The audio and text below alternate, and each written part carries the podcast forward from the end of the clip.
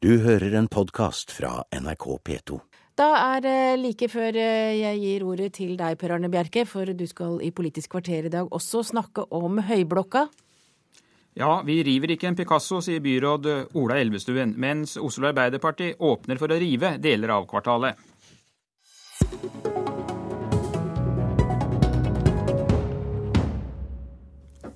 Regjeringspartiene blir ikke enige med seg selv om eh, hva som skal skje med regjeringskvartalet. Som eh, NRK fortalte i går, kommer regjeringen til å legge fram minst tre ulike forslag. Leder for eh, Oslo Arbeiderparti, Jan Bøhler, hvorfor mener du det kan være riktig å rive store deler av kvartalet? Nei, nå har jeg ikke sagt det. Jeg har sagt at vi ikke bør være firkanta når det gjelder at alt må være sånn som det har vært, og ønsker en diskusjon som tar eh, utgangspunkt i at vi skal bygge et bygg for framtida. Eh, at vi må ha et hundreårsperspektiv. At vi skal bygge noe som blir positivt, attraktivt for hele nasjonen, for eh, Oslos befolkning, og som har andre kvaliteter enn det nåværende området har hatt. Slik at vi, vi, vil, vi vil se på hvordan dette kan bli noe, noe, stort for hele Norge for framtida, et velfungerende jo, regjeringsmiljø. Men for å få helt klart hva du mener, Bøhler, ikke å være firkanta. Det betyr at du åpner for å rive deler av det regjeringskvartalet slik vi kjenner det i dag? Altså, vi, vi, har jo sett på sånn som det som kalles R4-blokka, der Næringsdepartementet er i dag, som er, en, er et bygg som veldig få har ment har vært noe storslått og, og nødvendigvis må stå sånn det har vært. Og det er veldig ramponert. Samme gjelder Helsedepartementets eh, bygg, der Helse- og arbeidsdepartementet var, som ligger eh, opp mot eh, Høyblokka der. Og også den Y-blokka, den lange svingen, en dårlig, gir en ganske dårlig utnyttelse i området. Slik at Det vi er ute etter, er å få plass til ja. også Miljødepartementet og UD ja. i den samme klyngen. Og, og, kunne en, skape en annen struktur som ikke blir en asfaltjungel, en kontorjungel som det har vært nå. Og, og, lage et område som blir rett og slett finere, mer åpent, bedre for befolkningen og bedre for ja. departementene. Og nå har du revet alt uten det gamle Finansdepartementet, det nye R5 og, høy, og Høyblokka. Ja, hva vil du med Høyblokka? Nei, Der vil vi ha en åpen diskusjon om de alternativene som jeg skjønner skal presenteres, og ikke binde oss opp til eh, et absolutt bevaringsstandpunkt. Men vi ser jo bl.a. de hensynene til kunsten eh, som eh, er trukket fram. Så, så, vårt utgangspunkt er ha en framtidsrettet, eh, åpen diskusjon. Her skal vi bygge noe stort for hele Norge for framtida, og vi må kunne eh, tenke åpent og se hva som gir den beste, beste løsningen, og ikke bare innta et firkanta utgangspunkt. Byråd for miljø og samferdsel, eh, Ola Elvestuen fra Venstre. Du ønsker bevaring. Hvorfor det?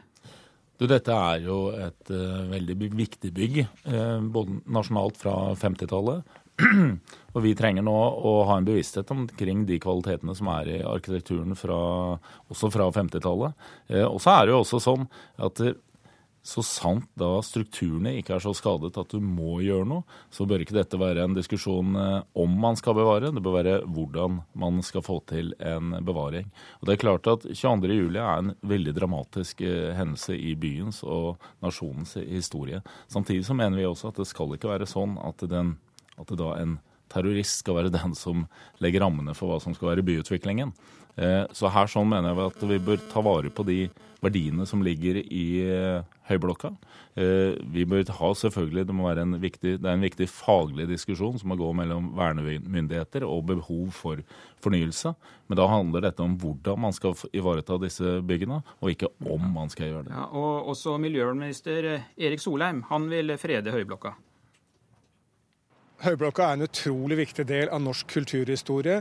Modernismens bygg, et, gjenoppbyggingen etter krigen, parallell til FN-bygningen i New York. En del av velferdsstatens arkitektur. Det er ikke noen tilfeldighet at det var akkurat her, eneste stedet i Norge, Picasso lagde tegningene. Ja, Dette sa Solheim til eh, Dagsrevyen i går kveld. Han eh, lovet også å komme hit i dag, men senere så ombestemte han seg og sa at han likevel ikke ville si noe mer før saken er ferdigbehandlet i regjeringen. Men du er her, Heikki Holmås, stortingsrepresentant for Oslo og lederkandidat i SV. Er dette en vanskelig sak for dere? Nei, jeg er enig med Erik Solheim. Eh, jeg mener at eh, hvis, eh, hvis du hadde fått en, en eksplosjon i, i, Oslo gjennomført av en terrorist som rammet Stortinget eller rammet Høyesterett, eller for den saks skyld Universitetet eller Slottet, så ville vi aldri hatt den diskusjonen som vi har om, om Høyblokken skal rives. Fordi at det er et bygg som har en veldig sterk historie, og vi må, vi må noen ganger bare tenke litt tilbake igjen på andre saker der man har foreslått å rive symboltunge bygg. Altså, Bryggen i Bergen var det i sin tid folk som gikk i tog for å brenne. Det var i sin tid fryktelig mange mennesker som mente Jugendbyggen i byen i, i, Ålesund var fryktelig stygg. I dag er vi glad for at vi har tatt vare på den biten av historien, og det brukes som Ja, det er noe alle er stolt av. Vi ser litt på historien, for Høyblokka den sto ferdig i 1958, som vi vet, og den ble sett på som et symbol på det nye Norge etter krigen. Bygningen den ble tegnet av Erling Viksjø, som statsminister Einar Gerhardsen satt sammen med på Grini. Kjære lyttere. Ved dette årsskiftet legger vi bak oss et tiår fylt av motsetninger og spenning. Materielt gikk det bra i vår del av verden. Vår velstand økte. Gerhardsen, som vi her hørte i nyttårstalen 1.1.1960, flyttet inn i toppetasjen. Han engasjerte seg også for å bevare Lindealleen mellom Akersgata og Høyblokka. Siden slutten av 1950-tallet har dette vært statsministerens kontor, på toppen av Høyblokka. Etterpå er det foretatt flere utbygginger og utbedringer, og i 1990 kunne statsminister Jan P. Syse ønske NRK velkommen til sitt nye kontor. Jeg kan jo nevne at vi har jo sittet med våre lange regjeringskonferanser i et møterom uten vinduer og hatt ganske kummerlige arbeidsforhold. Nå tror jeg det blir bra. Det var jo en annen uh, stil over dette i, i de virkelig gamle dager. Ja, her er det mye historie i veggene, Jan Bøhler. Går det i det hele tatt an å rive et sånt bygg? Altså, Vi eh, vil ha en eh, diskusjon om hvordan dette området kan bli framtidsrettet, kan bli velfungerende. Og da kan det være flere løsninger. Så jeg vil ikke ta en firkanta holdning til det nå.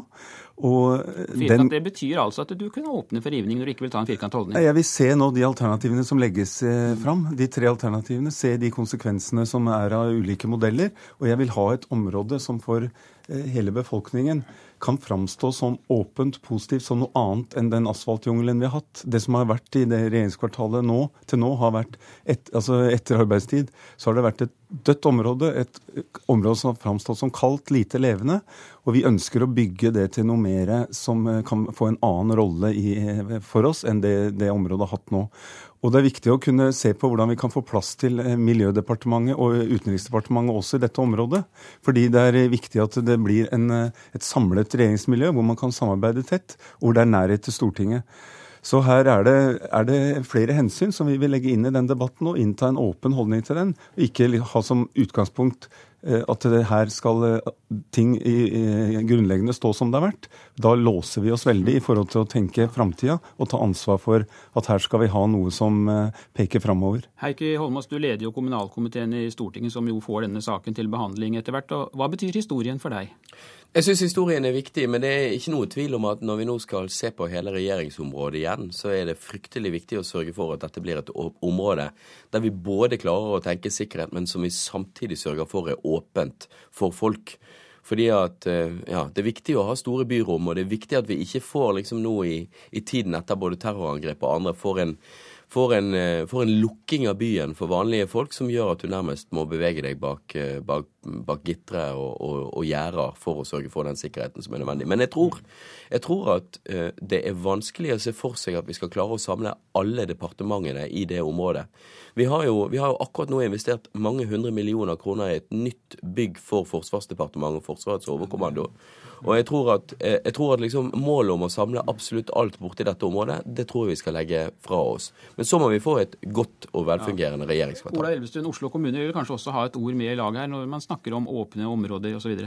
Ja, selvfølgelig. Det er jo veldig viktig nå i den situasjonen vi er, at vi har et uh, samarbeid mellom uh, staten og Oslo i forhold til hvordan man skal nå implementere de økte sikkerhetskravene som jeg forventer at staten ønsker og ser behov for. For det er jo helt avgjørende for oss at selv om du skal ha økt sikkerhet, så må du beholde et, opplevelsen av byen som et åpent område, og at du har mobiliteten i sentrum som man har hatt tidligere. eller aller helst så kan man få den ekstra, eller få den enda bedre. Ellers så er det jo sånn at de kulturminneverdiene omkring Høyblokka er jo helt uomtvistelige. Både Riksantikvar og Byantikvar er veldig tydelige. Og hvilke verdier bygget, dette bygget representerer fra 50-tallet, er også uomtvistelig. Så men dette handler om hvordan man skal gjøre dette. Her kan man sikkert ha en dialog med vernemyndighetene, men at de skal stå, mener jeg at det er, er helt klart. Også, mulig å få til et nytt område slik Bøhler vil, dersom ja, men, du skal verne alt sammen. Men se også, Det er jo prosesser på gang i dag. Eh, I, I, Teatergata så bygger man jo allerede et nytt bygg. Staten bygger for Miljøverndepartementet. Og så har jo Utenriksdepartementet helt konkrete planer, eh, også i dialog, dialog med Oslo kommune, på den såkalte trekanttomta. Så det er ikke noe grunn til at absolutt alt må inn på det samme området. Og jeg tror at når man får tenkt seg om, så er det ikke sikkert alle departementene heller ønsker å inn på det samme området. Det er sånn Man snakket om Forsvarsdepartementet eh, tidligere. Så jeg tror her skal man, eh, man skal tenke seg om, man skal ta debatten. Eh, se verdiene i disse byggene. Se hvordan man skal ivareta det. Og så må vi som sagt beholde åpenheten, så regjeringskvartalet ikke blir et lukka område i Oslo. Bøhler, det virker jo ikke som Oslo Arbeiderparti får noe særlig støtte, i hvert fall fra Venstre i byrådet i denne saken, når du snakker bl.a. om å samle alle departementer på ett sted? Ja, nå snakket jeg om Jeg nevnte de som er naturlige, Miljødepartementet og UD. Jeg nevnte ikke Forsvarsdepartementet, som Heikki var inne på, som har en helt annen eh, rolle i forhold til noen andre hensyn. Så jeg tror ikke der er vi så langt fra hverandre. Og vi er jo ikke heller langt fra hverandre når det gjelder å bygge et åpent, attraktivt område som er mer eh, levende i forhold til publikum, der det kan være andre ting på kveldstid, sånn at det ikke blir en asfaltjungel, en kontorjungel som det har vært nå, der hvor du får flere gågateområder osv. Så, videre. så det er jo en del felles ting her, og jeg har ikke hørt at de har vært firkanta heller når det gjelder den, eh, det bygget som Næringsdepartementet er i nå, som kalles R4, eller Helsedepartementets bygg. Så det er jo en del eh, muligheter til å utvikle dette her. Og, og så vil jeg bare føye til kanskje den generasjonen fra 50-tallet som du hadde noen sitater fra innledningsvis. Det var en framtidsrettet generasjon. Altså, De var opptatt av funksjonalisme den gangen. Bygge ting som fungerte godt. Ikke en sånn veldig eh, bevaringsdogmatisk generasjon. sånn eh, jeg tror ikke man så lett skal bruke de til inntekt for at man ikke her skal tenke framtidsretta, velfungerende, moderne, og ikke bare låse seg i en, eh, i en bevaringsfirkanta holdning, sånn at vi sitter fast der og ikke får noen reell vurdering. Elvesund. Ja, Høyblokka var definitivt kontroversiell når den ble bygget. Her som ble det gamle MPR-kvartalet eh, revet. Men samtidig så tror jeg vi, vi skal være flinkere til dem enn dem og se kvalitetene i det som da ble bygget også på den tiden.